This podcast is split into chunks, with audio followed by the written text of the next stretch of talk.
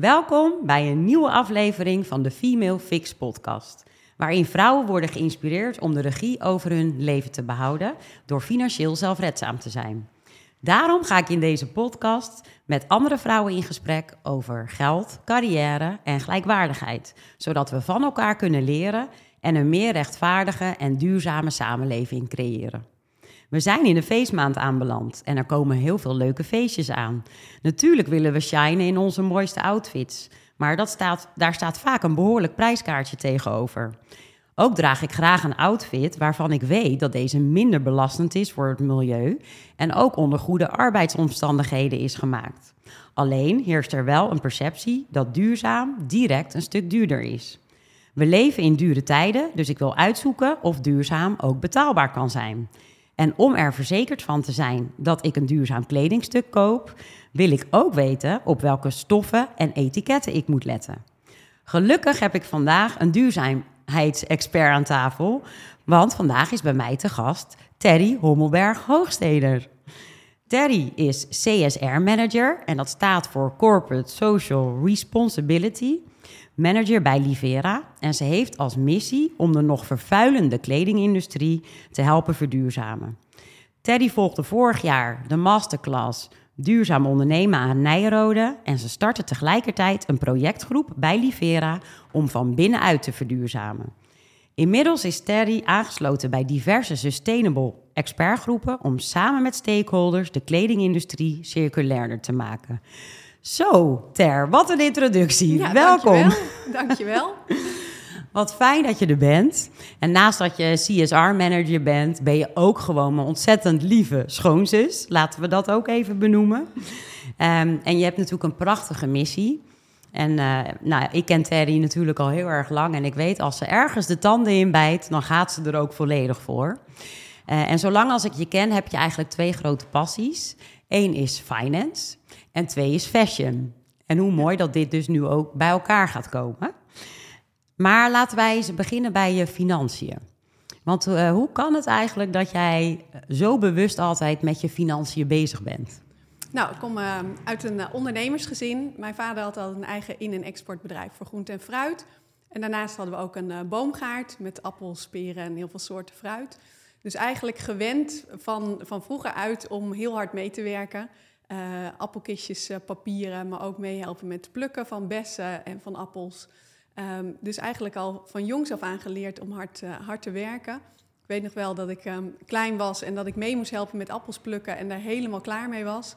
En mijn moeder me een kist met appelen gaf en zei: aan iedere fietser ga jij één appel verkopen voor, voor een kwartje. Uh, en zodoende eigenlijk al geleerd van ja, als je inderdaad geld wil verdienen, dan moet je er wat voor doen en nou, creatief zijn en zelf het voortouw nemen. Ja, dus ja. toen leerde jij eigenlijk al het verschil tussen geld uitgeven en investeren. Ja. Dat als je gaat verkopen, dat het uiteindelijk meer kan gaan opleveren. Ja. Dus jij wist al heel jong hoe je van een dubbeltje een uh, kwartje moest maken. Ja. Um, en die ervaring die jij vroeger hebt opgedaan, neem je dat nu ook mee in de opvoeding van je eigen kinderen? Ja, ook naar mijn eigen kinderen toe. Uh, nou, vroeger uit ook werd altijd gezegd: je kan je geld maar één keer uitgeven, dus besteed het wijs. Uh, dat probeer ik ook echt wel naar mijn kinderen mee te geven. Best wel lastig met een puber in huis, die uh, toch wel graag allemaal prularia wil kopen. Um, maar ook van ja, uh, je kan pas inderdaad iets uitgeven als je iets verdiend hebt. Mm -hmm. Dus dat, dat heb ik zelf geleerd en dat geef ik ook weer mee aan mijn kinderen. Ja, en ze hebben ook al af en toe hun eigen ondernemingje, toch? Ja, mijn oudste dochter heeft een eigen uh, klein bedrijfje gehad met hondenspeeltjes. En ook gewoon een hele goede les van, oké, okay, als er geld binnenkomt... ja, moet je ook weer geld apart zetten voor je inkoop van, van je materialen... Uh, en inderdaad weer het opnieuw kunnen investeren om nieuwe spulletjes te kopen, om weer te kunnen verkopen. Ja, ja. dat is best wel lastig om te leren. Vooral als ze zo jong zijn. Ja. Ja, en die ondernemersmentaliteit die in jou zit, vind ik ook mooi. Dat uh, als jij uh, personeel aanneemt, hè, dan let jij daar ook altijd wel een beetje op. Hè? Want wat vind jij de voordelen van een ondernemersmentaliteit? Nou, je merkt toch wel inderdaad gewoon um, ja, meer assertief, meer initiatief nemen, wat creatiever denken. Dus vaak kan je inderdaad, merk je dat wel inderdaad, wie dat vanuit huis uit meer heeft meegekregen. Ja. Ja, leuk vind ik dat.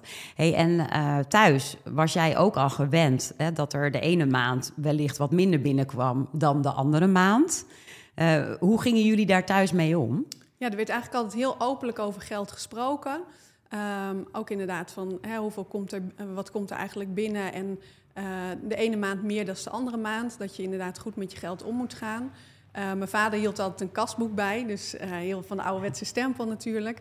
Dus dat vond ik altijd als kind zijnde heel fascinerend. Dat op nou ja, de gulden destijds nog aan toe werd bijgehouden waar het aan uitgegeven werd. Um, en dat vond ik altijd heel leuk om dat te zien. Deed ik zelf ook. Als ik inderdaad mijn zakgeld en mijn kleedgeld had, dan hield ik dat ook altijd bij. Uh, dus dat heb ik wel van jongs af aan meegekregen. Dat er echt gewoon heel openlijk over geld gesproken wordt. Um, ook inderdaad, van, nou, ga ook sparen voor later. Geef het niet meteen allemaal uit. Uh, ook bijvoorbeeld de beurskoersen stonden bij ons altijd, uh, altijd aan op teletext. Ja. Uh, maar ook daar werd altijd uitleg gegeven van, nou, er zitten ook aan beleggen, er zitten ook bijvoorbeeld weer risico's. en ik weet zelfs dat ik ooit nog een keer mijn spreekbeurt heb gedaan over beleggen. Zo? Dus, ja. Wat cool. lang geleden, lang geleden. Ja, maar thuis deed jouw vader dus wel alle financiën? Mijn vader deed alle financiën en mijn moeder kreeg echt heel ouderwets nog huishoudgeld. Ja, ja. ja en ja, dat vond ik altijd vroeger wel heel apart van hey, wat raar dat je niet je eigen geld hebt en niet je eigen keuze daarin kan maken. Nee, en triggerde dat bij jou om juist wel uh, voor je eigen geld te gaan zorgen? Of heeft jouw vader jou ook echt meegegeven dat financiële zelfredzaamheid belangrijk is? Ja, mijn ouders hebben wel altijd gezegd van hè, zorg dat je zelf je geld gaat verdienen en vooral ook dat je financiën op orde zijn, want dat geeft gewoon heel veel rust. Um, en des te blijer inderdaad dat ik ook mijn eigen rekening heb om mijn eigen keuzes te maken. Dat geeft een goed gevoel. Ja, ja. ja want inmiddels uh, ben je natuurlijk uh, getrouwd al een tijdje. Heel gelukkig, gelukkig. Um, maar nog, uh, volgens mij, als je het dan hebt over de financiën, weet jij er bijna nog meer van als het om het huishouden gaat dan je partner. Klopt ja, dat? Ja, klopt. Ik ben echt een financiële nerd dat, dat betreft. Degenen die mij wel beter kennen, die weten ook dat ik allemaal lijstjes bijhoud met, met wat er inkomt en wat er uitgaat. En uh, dat altijd graag op orde wil hebben. Ja. ja. en kun je dan wat tips met de luisteraar delen die uh, jou echt hebben geholpen om meer inzicht en overzicht en gevoel bij geld te krijgen? Ja, dus ik maak ieder jaar eigenlijk in januari maak ik altijd een, een lijst met van nou, wat komt erin en wat zijn onze, onze uitgaven. Dan neem ik eigenlijk alle uitgaven voor het hele jaar neem ik mee. Um, en ik heb allemaal digitale spaarpotjes, uh, wel twaalf. Ik heb ze allemaal opgeschreven ook. Uh, en dan gaat iedere maand, zodra het geld op onze gezamenlijke rekening binnenkomt, gaat automatisch al dat geld naar al die potjes. Uh, en het geld wat overblijft, daar doe ik mijn boodschappen van. En dat ja. is ook echt een soort van sport om het die maand daarbij te redden. Um, en alles gaat automatisch eigenlijk in alle potjes. Dus iedere maand spaar je al voor bijvoorbeeld rekeningen die één keer per jaar binnenkomen. Ja, precies. Want je noemt het spaarpotjes, maar er gaat dus wel ook geld uit. Wat ja. in de toekomst zeg maar een verplichting ja. is. Ja. Maar zoals even kleding voor de kinderen, ik noem even wat hè, als potje. Ja. Is dat ook een potje? Ja, ik heb een potje voor kleding en, uh, en uh, voor de kinderen. Maar ook bijvoorbeeld uh, de kapper voor de kinderen. Dus alle uitgaven voor de kinderen. potje voor het sporten voor de kinderen. Zowel de contributie als sportmaterialen die je nodig hebt. onze hond heeft zijn eigen spaarpotje. Um, maar ook bijvoorbeeld inderdaad voor de vakantie, voor de hypotheek. Uh, leuke dingen doen met het gezin. Uh, jaarlijkse kosten zoals uh, je OZ, OZB-rekening, ja. zeg maar. Die komt onderhoud van je, van je ketel. Dus dat gaat allemaal in die potjes. En dan iedere week, één keer per week, kijk ik inderdaad van... oh ja, welke uitgaven heb ik, heb ik gedaan? En wat kan ik overhevelen van het, van het potje naar, de, naar de, gewoon de lopende rekening zodat het inderdaad uit het potje verrekend ja, is. precies. Dus uh, als je dan kleding koopt, dan is het niet zo dat je dat uit dat spaarpotje betaalt. Nee, dus ik betaal het wel gewoon van de, van de lopende rekening. En dan heb ik inderdaad geld uitgegeven voor de kinderen. Uh, en dat doe ik eigenlijk op een vast moment in de week. Dan hevel ik het geld dat ik uitgegeven heb aan de kleding uit het spaarpotje weer ja. naar de lopende rekening. Ja, en dan weet je dus precies wat er per maand uitgegeven is ja. aan die bepaalde categorieën. Ja. En voor jou is het dus een sport om daar dan binnen te blijven. Ja, ja absoluut. Ja. dit noem je ook wel het uh, enveloppensysteem. Ja. ja. want bijvoorbeeld uit eten of zo, dat is natuurlijk ook iets wat je af en toe heel graag wil doen. Maar ja, dat loopt natuurlijk ook al heel snel op uh, qua kosten. Dus ik doe dat dan ook altijd, dat ik zeg, nou per maand wil ik maximaal 200 euro aan uit eten uitgeven. Met vier kinderen kom je daar al heel snel, snel op. Um, want ja, dan weet ik ook gewoon van oké, okay, we, we, hebben de lat al behaald. Dus nu is het gewoon even klaar voor ja. deze maand. En dat helpt wel heel erg. En de kinderen begrijpen daardoor ook beter. Oh, we zijn al uit eten geweest. Dat gaan we niet nog een keer doen. Ja. Dus het helpt inderdaad wel voor overzicht, maar ook een stukje rust. en uh, acceptatie. Ja, en nou ja, zoals uh, van de week uh, wordt onze ketel weer nagekeken. En je hebt geen stress dat je denkt van... oh ja, ik moet zo meteen weer die rekening betalen van de monteur. Nee, want daar heb ik al rekening mee gehouden met het potje met jaarlijks onderhoud. Ja, precies. Ja. En doe je dan ook nog een potje onvoorzien? Ja, ook nog een potje onvoorzien. Ja, ja want er gebeuren er natuurlijk altijd dingen. altijd dingen. Ik heb ook potje vervanging. Dus dat is voor als er iets in huis kapot gaat. Ja, en dan heb je ook altijd te maken met Murphy's Law, vind ik. Als dan het een kapot gaat, gaat vaak ook het andere kapot. Wij hadden nu afgelopen maand en de afwasmachine en de koelkast. Nou ja, en we moesten een schuurtje voor de fietsen. En dat je dan ook echt denkt van wow, goed dat je dan die buffers dus hebt.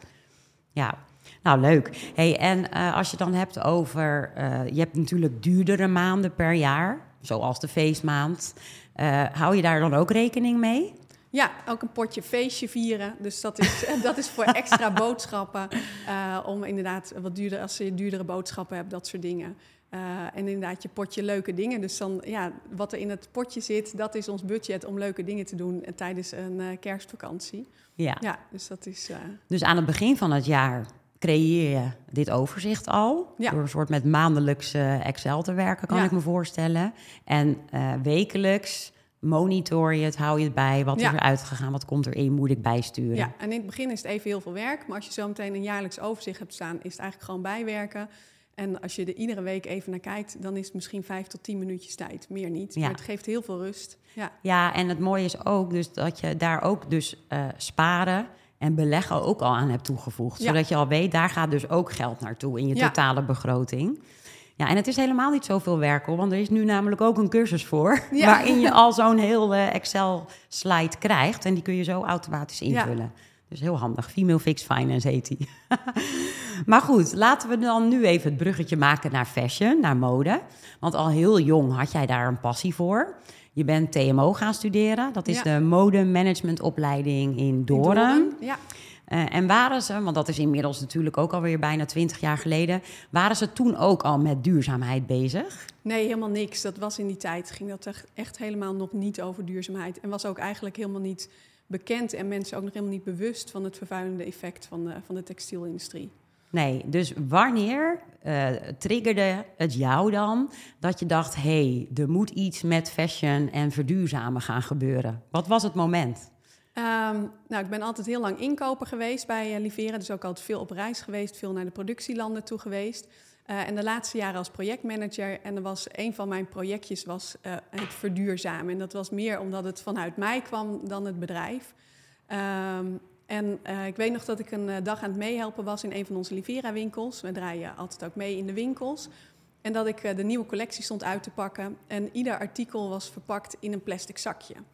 En dat mij eigenlijk zo triggerde dat ik dacht van jeetje, wat een hoop afval zetten we eigenlijk. Met al onze winkels zetten we allemaal weg. En toen heb ik als ludieke actie heb ik, uh, uh, van één Livera winkel een week lang het vuilnis opgespaard. Uh, en dat heb ik uiteindelijk op de tafel van onze directeur neergelegd. om te laten zien wat een afval wij hebben van één winkel in één week. Er staan inderdaad 100 winkels, 52 weken per jaar. Um, en dat was inderdaad wel een van mijn uh, ja, keerpunten dat ik dacht van, oh, ik wil hier echt iets mee gaan doen. Dus vanaf dat moment was duurzaamheid echt wel een project wat, ja, wat mij heel erg triggerde en waar ik heel veel energie van kreeg om daarmee aan de slag te gaan. En het echte omslagpunt is denk ik uh, de documentaire Prijsknaller. Dat je ziet hoeveel kleding er eigenlijk wordt weggegooid. Mm -hmm. um, en dat moment was eigenlijk dat ik zoiets had van, ja, ik wil gewoon, dit moet mijn grootste project worden. En daar is ook uh, binnen Livera toen echt prioriteit aan gegeven om te zeggen: oké, hier ga jij uh, de komende tijd uh, mee aan de slag. Ja. ja, mooi dat het ook direct omarmd werd. Maar ja. je, jij zorgde eigenlijk voor een knal van bewustwording bij jouw baas. Ja.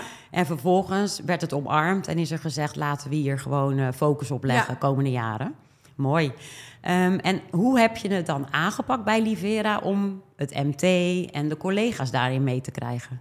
Uh, we zijn eigenlijk begonnen met een soort van heidedag met ons MT. Mm uh, om te zeggen van nou, hè, de manier waarop we nu werken, hoe lang kunnen we daarmee doorgaan? En dan mocht iedereen schot voor de boeg uh, geven. Um, en nou, toen kwam wel eens eigenlijk de uitkomst, nou we kunnen nog wel een jaar of vijf tot tien zo doorgaan. En toen vertelde ik eigenlijk van, ja, maar hoe vervuilend is de industrie eigenlijk? Um, en nou ja, willen we daar onze verantwoordelijkheid voor nemen? En wat gaat er aankomen qua wet en regelgeving? En aan het einde van de sessie zei eigenlijk ons MT van... we kunnen helemaal niet meer vijf jaar nog zo doorgaan. We Mhm. moeten nu al stappen gaan zetten om te veranderen. En dat was een hele mooie bewustwording. En vanaf dat moment zijn we eigenlijk gewoon in de sneltreinvaart... eh, ehm, ja, stappen gaan zetten. Eh, en ook gezegd, ik kan niet in mijn eentje een hele organisatie Nee. verduurzamen. Dus we moeten echt zorgen dat het bij de hele organisatie eh, eigenlijk een plek krijgt. Dus ik ben begonnen eerst klein met een soort van green team. Met van Mhm. een aantal afdelingen een collega erbij. En inmiddels zit van iedere afdeling een collega in mijn green team. En gaat iedere afdeling bij Livera aan de slag ehm, met zijn of haar punten. Ja. eh, om te verduurzamen en vooral dingen anders doen. Heel veel dingen doe je uit gewoonte al jaren zo. En als je er bewust over na gaat denken, dan denk je... hé, hey, dat kan misschien best wel anders. Of er zijn best wel andere oplossingen voor. Ja, en kan Ja. je daar eens een eh, concreet voorbeeld van geven? Ehm, nou, een van de dingen is bijvoorbeeld hoe wij onze collectie maken, maar ook bijvoorbeeld afprijzen. Eh, dus einde van het seizoen was het altijd standaard, alles wat geleverd was, dat ging in de uitverkoop.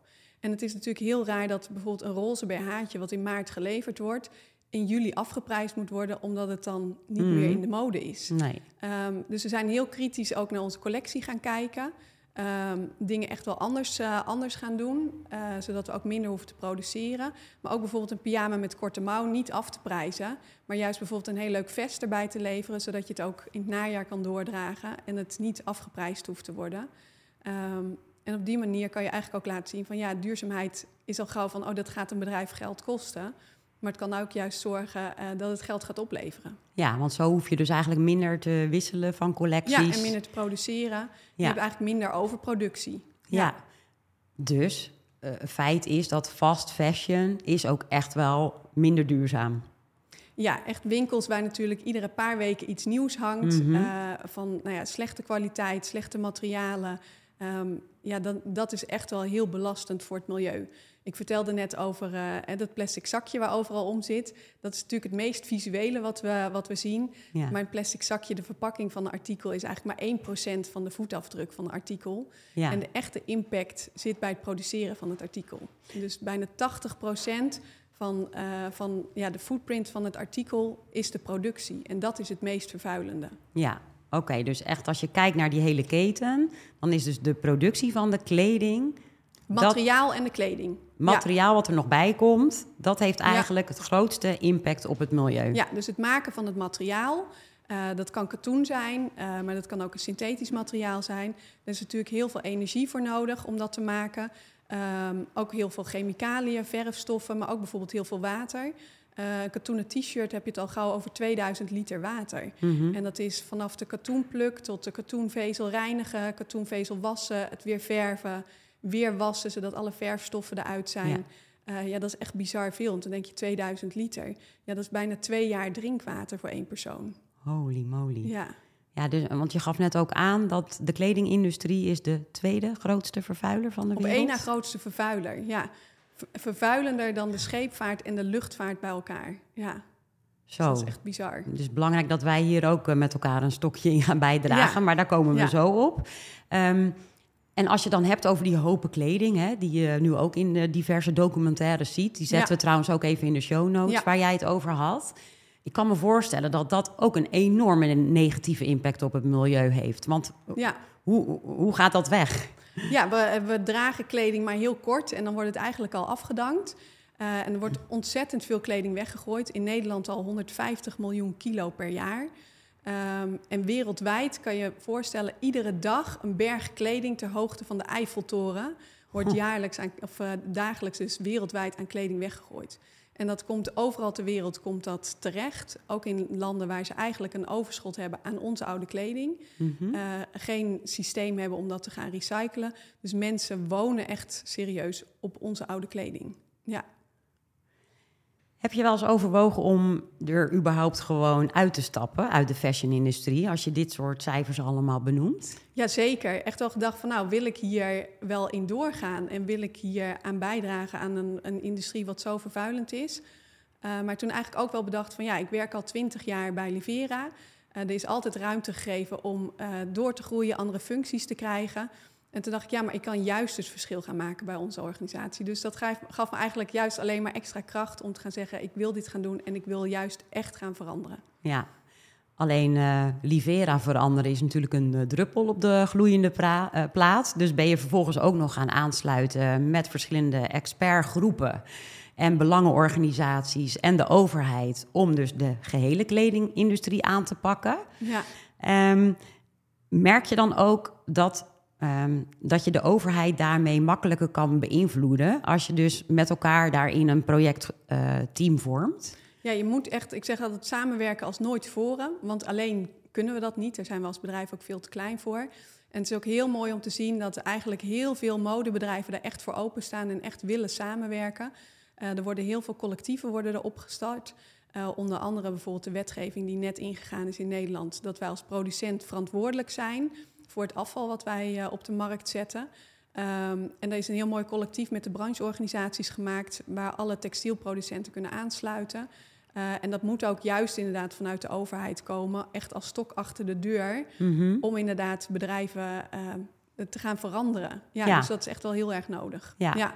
Nou ja, en helemaal natuurlijk als je ook kijkt naar uh, een Shein of een Temu of een Ali. Ja, zolang je dat maar allemaal kan bestellen, wat natuurlijk gewoon hartstikke belastend is en fast Ja. fashion is. Ja, die kinderen die worden natuurlijk verleid, ook op een TikTok, om dat allemaal te gaan kopen. Ja. Uh, en dan kunnen wij uh, het beste paard van stal zijn. Maar dan nog ga je dat dus niet tegen. ja. Dus, dus wat zou er in jouw ogen daarvoor moeten gebeuren? Dat dat soort dingen dus gewoon ook niet meer kunnen. Ja, er zal echt wetgeving moeten komen. En ik weet ook dat ze daar heel druk mee bezig zijn om dat echt te gaan verbieden. Um, en dat inderdaad gewoon echt de Nederlandse retailers die keihard bezig zijn om te verduurzamen, ook een eerlijke kans krijgen. En niet dat de consument dus inderdaad ergens anders een t-shirtje gaat kopen voor 5 euro. Mm-hmm. Want je kan zelf wel voorstellen, een t-shirtje voor 5 euro, dat kan niet. Nee. Ergens in de keten wordt de prijs betaald. Ja. Um, en je hebt een heel mooi t-shirtje die waarschijnlijk na drie dagen, drie keer dragen, weg is. Ja. Um, dus ja, dat moet gewoon echt aan banden gelegd worden. Nou, dan gaan we nu het eh, bruggetje naar het individu maken. Want ja, ik wil dus een uh, hele mooie kerstjurk kopen. Ja. Uh, waar moet ik dan op letten? Um, nou, sowieso heb je waarschijnlijk al wel een paar favoriete merken.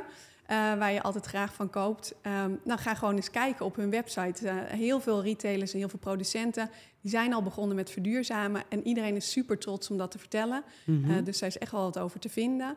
maar vraag het ook eens aan het winkelpersoneel. Kijken of zij inderdaad al op de hoogte zijn wat merken doen qua duurzaamheid. Sowieso is het goed om erop te letten, inderdaad, of er al iets van certificaten op staan. Uh, maar ook daar is best wel een wildgroei aan. Ook nog uh, retailers die een eigen duurzaamheidslogo ontwikkeld hebben. Uh, dus denk goed om in de show notes ook een site toe te voegen... waar je kan zien welke certificaten zijn er en wat houdt Ja. het in. Er zitten ook alweer gradaties Ja. in. Maar sowieso natuurlijk als iets gemaakt van bijvoorbeeld bi- biologisch katoen... is dat al een hele mooie eerste stap. Um, En, wa- en waarom is dat beter? Wordt er dan minder water Minder gebruikt? chemicaliën wordt er Ja. gebruikt. Dus ook voor de mensen die met het katoen werken en het katoen moeten plukken, is het natuurlijk al veel beter dat er veel minder gifstoffen gebruikt zijn. Uh, maar ook bijvoorbeeld gerecyclede materialen. En probeer ook daar wel heel kritisch in te zijn. Van ja, is het dan 5% gerecycled materiaal of juist al meer? Mhm. Um, en dat is wel echt iets waar we naartoe moeten. Want we hebben bergen met kleding. En eigenlijk moet dus uh, de oude kleding weer als grondstof gaan, doen, gaan dienen voor nieuwe kleding. Ja, Dus je moet over naar ja, circulaire uh, economie, ook voor de textielindustrie. En dat is heel lastig, heeft heel veel uitdagingen. Uh, maar dat is wel de toekomst, daar moeten we wel naartoe. En uh, nou, een heel mooi voorbeeld is de trui die ik aan heb van King Louis. Uh, die al een hele mooie uh, capsulecollectie gemaakt heeft van artikelen die dus deels gemaakt zijn van oude kleding. ja, want zou je een geheel artikel kunnen, uh, circulairder kunnen maken? Ja, het kan dus al wel. Dit is dus inderdaad het voorbeeld. Gedeeltelijk oude kleding, gedeeltelijk gerecyclede kleding. Um, Maar dat is dus, je zegt gedeeltelijk oude kleding, gedeelte uh, gerecycled. gerecycled materiaal en een gedeelte petflessen. Uh, en petflessen wil je natuurlijk zo min mogelijk hebben, want je wilt natuurlijk van oude flessen weer nieuwe flessen maken en niet zozeer kleding maken. Ja, oké. Uh, dus er is heel veel innovatie voor nodig. Uh, dat, daar is Nederland ook heel druk mee bezig, maar eigenlijk ook binnen Europa. Mm-hmm. Om echt weer oude kleding helemaal uit elkaar te halen. Worden allemaal hele kleine vezeltjes, worden weer draadjes van gemaakt en daar wordt weer nieuwe kleding van gemaakt. Ja, ook uh, arbeidsintensief. Ja. ja, maar het scheelt heel veel water, heel veel chemicaliën, want je hoeft dus niet meer opnieuw de grondstof te gaan maken. Nee. Ja. Mooi. Hey, en is duurzamer nou altijd duurder of hoeft dat niet?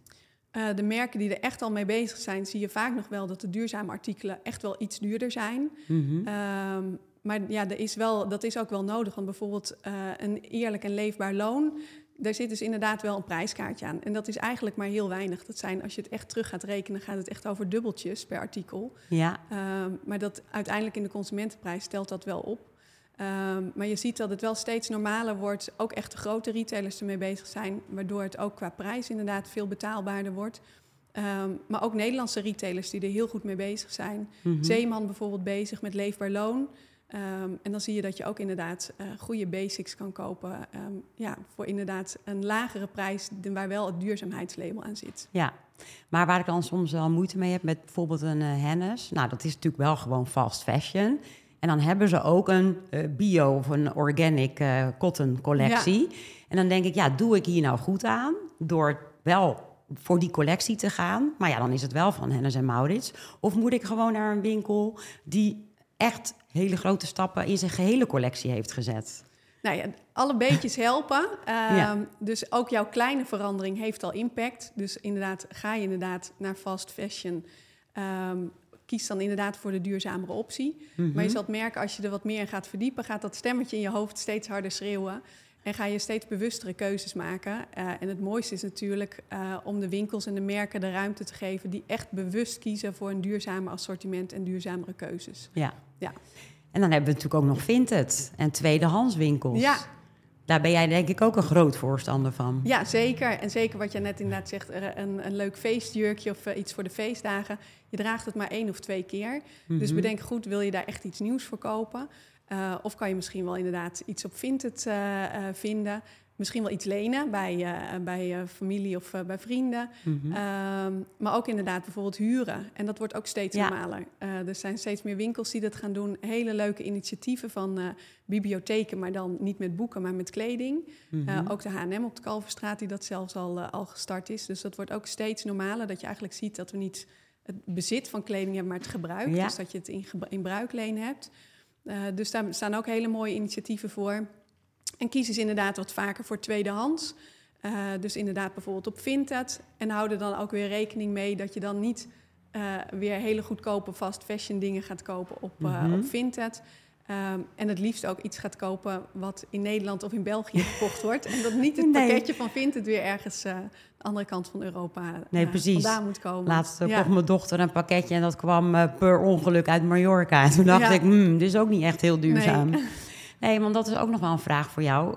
Uh, als je dan kijkt naar de belasting, is online bestellen versus naar de winkel gaan. kan je daar ook nog iets over zeggen qua impact? Ja, Uh, bestel je gewoon bij een, een Nederlandse retailer uh, en bestel je iets waarvan je zeker weet dat het jouw maat is, dan is online shoppen echt niet zoveel slechter als, uh, als in de winkel shoppen. Mm -hmm. Helemaal als je ook nog voor een duurzamere verzendmethode kiest. Um, maar bestel jij drie of vier outfits en er gaan, ja. er gaan er weer een aantal terug. Ja, we hebben de consument natuurlijk heel erg verwend. Mm -hmm. Die is gewend van, oh ja, ik kan maar bestellen wat ik wil. Ik kan het gratis weer retour sturen, soms dagenlang de tijd. Uh, en daar zit natuurlijk ook heel veel impact in. Um, en inderdaad, jouw pakketje wat dan weer retour gaat, dat heeft ook weer een hele weg af te leggen voordat het weer beschikbaar is voor de volgende consument. Dus bestel je nu een leuk feestjurkje, uh, is toch niet helemaal jouw ding. Hou je het twee weken thuis uh, en ga je het dan opsturen, dan is het eigenlijk niet meer voor de kerstdagen beschikbaar als online verkoop, nieuwe nee. verkoop. en in januari wil niemand het meer hebben. Dus dat is ook echt wel een tendens dat we zeggen van ja, niet maar blijven bestellen en weer terugsturen. Mm -hmm. Daar zit natuurlijk ook echt wel iets in wat we moeten gaan veranderen in ons gedrag. Zeker. Ja. En voor de winkels is het ook wel plezierig als er ook gewoon nog mensen naar de winkel komen. Zeker, ja. ja. Um, wat ik ook een uh, leuk idee vind en goed idee vind, is vroeger had je natuurlijk die Tupperware parties. En dat je gewoon met vriendinnen uh, je kledingkasten uh, beschikbaar stelt. Hè? Ja. Dat je kleding ruilt met je vriendinnen. Ja, kledingswap wordt steeds normaler ook. Heel veel bedrijven die dat gaan doen. We gaan het binnenkort ook bij Livera organiseren. En dat gebeurt steeds vaker. Want je hebt sommige dingen heb je in je kast hangen... wat je eigenlijk helemaal niet draagt. Zo'n 30% 30 tot 40% van je kleding draag je helemaal mm -hmm. niet... Um, dus ja, hoe leuk is het dat je dat onderling kan, uh, kan uitwisselen? Ja, ja, alleen is dat met ondergoed wat lastiger. Met ondergoed wordt dat lastiger, ja. Ja, want dat is natuurlijk ook nog best wel een complexe uh, industrie waar jij dan in zit. Ja. En met kleding kan ik me echt voorstellen dat je heel veel verschillende mogelijkheden hebt. Maar met lingerie Ja, dat is natuurlijk zo persoonlijk. Uh, kun je daar toch wel ook stappen in zetten? Behalve dan dat je de uh, collectie zeg maar duurzamer maakt en minder uh, seizoensgevoelig? Ja, daar zijn we heel erg druk mee bezig. Sowieso wat voor soort materialen we al gebruiken. Ook inderdaad, start eigenlijk, duurzaamheid start al eigenlijk bij design. Dus als je begint met ontwerpen, moet je daar al rekening mee houden. Maar ook het meenemen van onze leveranciers erin. Dus wij challengen ook echt al onze leveranciers die voor ons produceren. Om ook echt stappen te gaan zetten in duurzaamheid. En dan zie je ook al hele mooie initiatieven ontstaan. Bijvoorbeeld een, een closed loop systeem voor het water. Dat al het mhm. water wat gebruikt is, Um, en dus chemicaliën of verfstoffen bevat, dat het weer gezuiverd wordt en weer opnieuw herbruikt kan worden. Dus er ontstaan al hele mooie initiatieven bij, uh, bij producenten. Oh, ja. mooi.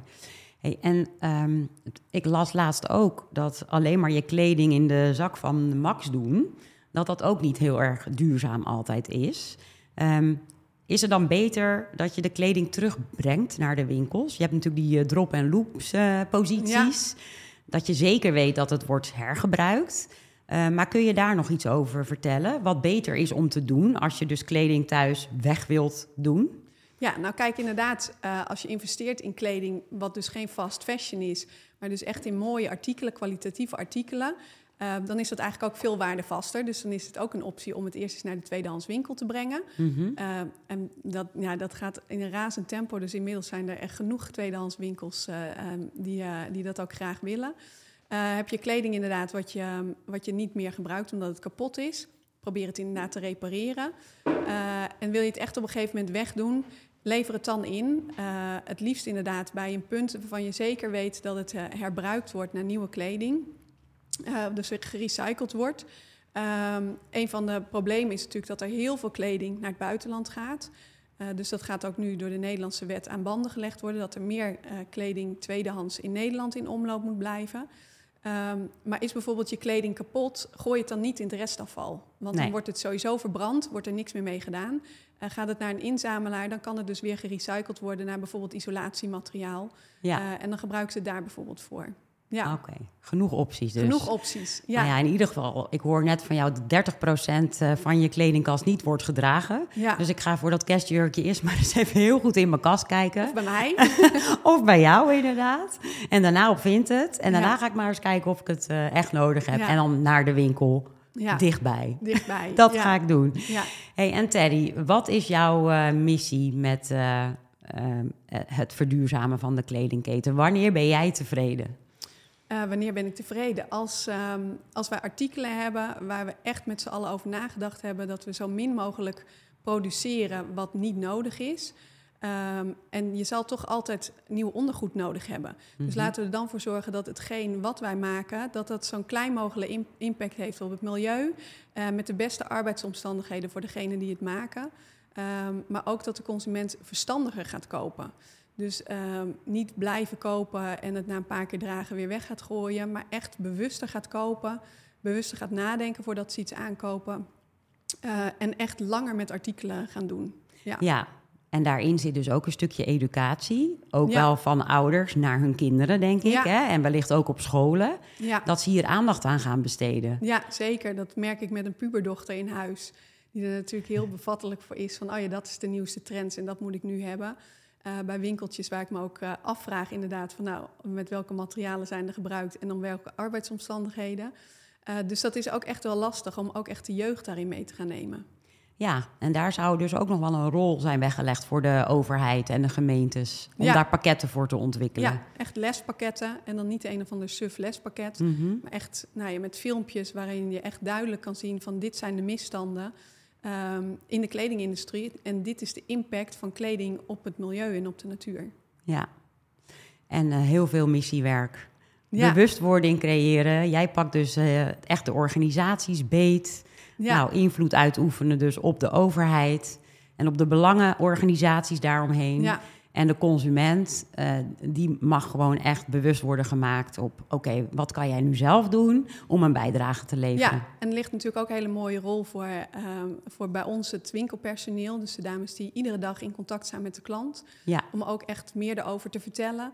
Zorgen dat er sowieso natuurlijk iets gekocht wordt met de juiste pasvorm... zodat je er lang mee kan doen. Maar ook het verhaal te gaan opstarten met die consument. Van weten wat je koopt en weet wat ja, je draagt. dat vind ik echt een hele goede. Want als ik in de winkel ben en iemand zou mij dit uitleggen en dat ik dan 5 euro meer moet betalen, maar dan wel echt een sustainable product koop. Ja. Nou, dan ben ik echt wel bereid om daar ietsje meer voor te betalen. Als het Ja. maar geen 100 euro verschil is. Nee, hè? en dat is ook echt uit onderzoek gebleken. Zodra ergens een artikel een, een kaartje aan hangt, ehm, dat eigenlijk geen enkele consument er echt naar kijkt of Nee. dat vertrouwt.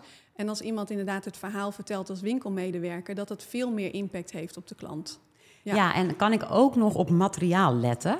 Is er nog een verschil? Hè? Want je had het net over Ja. katoen, dat dat zo eh, impactvol is. Zijn er materialen die juist veel milieuvriendelijker zijn? Eh, nou, er is bijvoorbeeld eh, viscose van, van Ecovero. En dat wordt gebruikt met, met minder watergebruik, minder chemicaliën. En dat is gemaakt, het klinkt altijd als een synthetisch materiaal, maar het is eigenlijk een natuurlijke grondstof, houtpulp. En dat Mhm. wordt verwerkt tot, eh, tot garens. Eh, en Ecovero staat ook weer voor dat als er bomen gekapt worden, dat er gelijk weer nieuwe bomen aangeplant worden. Dus dat zijn bijvoorbeeld een van de dingen. Ehm, en ja, dat is echt wel, gaat echt wel de diepte in. Dus nou ja, Mhm. dus er is heel veel informatie over te vinden. Ook best al wel wat, wat influencers die zich daar druk over maken en informatie geven eh, over merken.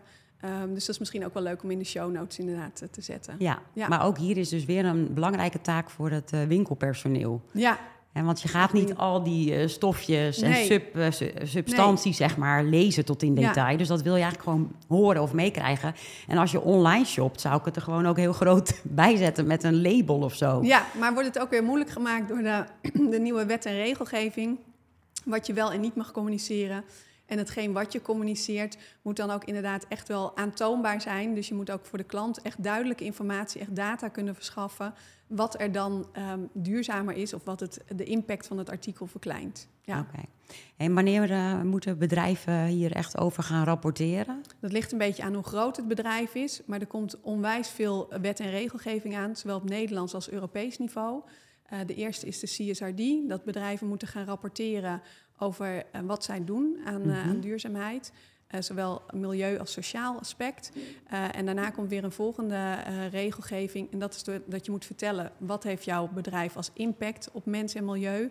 En wat heb je gedaan om de impact te verkleinen. En dat, Ja. dat gaat heel veel werk opleveren voor bedrijven. Maar echt wel heel nodig, nodig Ja, als stok achter de deur.